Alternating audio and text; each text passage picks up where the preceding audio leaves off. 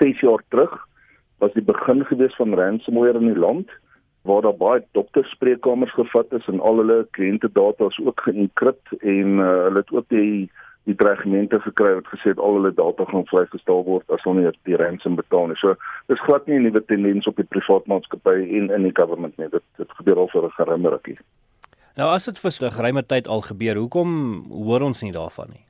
Baie maatskappye wil nie ehm um, vir die publiek sê dat hulle geteken is deur so iets nie, want op die einde van die dag wys die vinger terug na hulle toe en die feit dat hulle nie rekenaarsekuriteit ehm um, ernstig vat binne die maatskappy nie.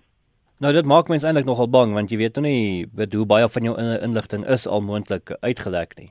Korrek. As jy kyk na die laaste groot attack in die land van die Viewfinds ene, dis weer eens data wat nie behoorlik beskerm was nie en die data is baie maklik uitgelek. In daai ons noem dit leaks, en daai leaks is jou ID-nommer, jou naam, jou van jou adres tot jou pay, jou salarisinligting is ook uitgelek. In jou jou huis wat jy gekoop het, se inligting is ook uitgelek meestal word dit geplaas op die ondergrondse internet so daar's geen kontrole oor dit wat sê haal dit af nie so die hackers verkoop dit daarso tussen mekaar en die rede daarvoor is maar meerendeels om social hulle doen basies 'n account takeover op jou so wat hulle doen is hulle maak nuwe accounts oop namens jou en dan sal na die winkels toe gaan en iets gaan koop op jou naam en op die einde van die dag is jy verantwoordelik daarvoor jy sê as later agterkom dat jy 'n nuwe kar het of 'n nuwe huis het. Dan verstaan ek ook dat hierdie kuberkrakers nie net fokus om op mense se inligting te steel nie, maar hulle begin ook met hierdie eh, so sogenaamde crypto mining op mense se rekenaars sonder dat mense daarvan weet. Wat nou deesdae gebeur is, die kuberkrakers stuur weer eens 'n e-mail na die maatskappy toe, die user maak dit oop en dan install hy mining, hulle noem dit crypto mining software op jou masjien.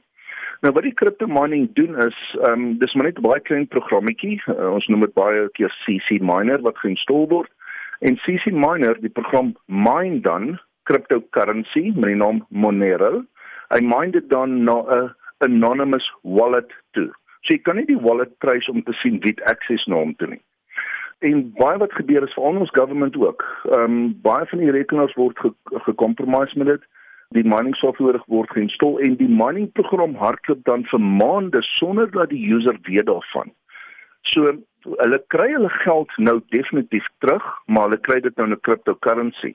Plus dit kan ook nie getrys word nie. So dit is dis nie 'n nuwe tendens nie. Dit gebeur al uh, in ons land gebeur dit seker al vir die laaste 8 maande wat ek al verantwoordelik is vir sulke gevalle. En dit gaan nie ophou nie want dit is 'n nuwe manier om geld te maak uit companies uit.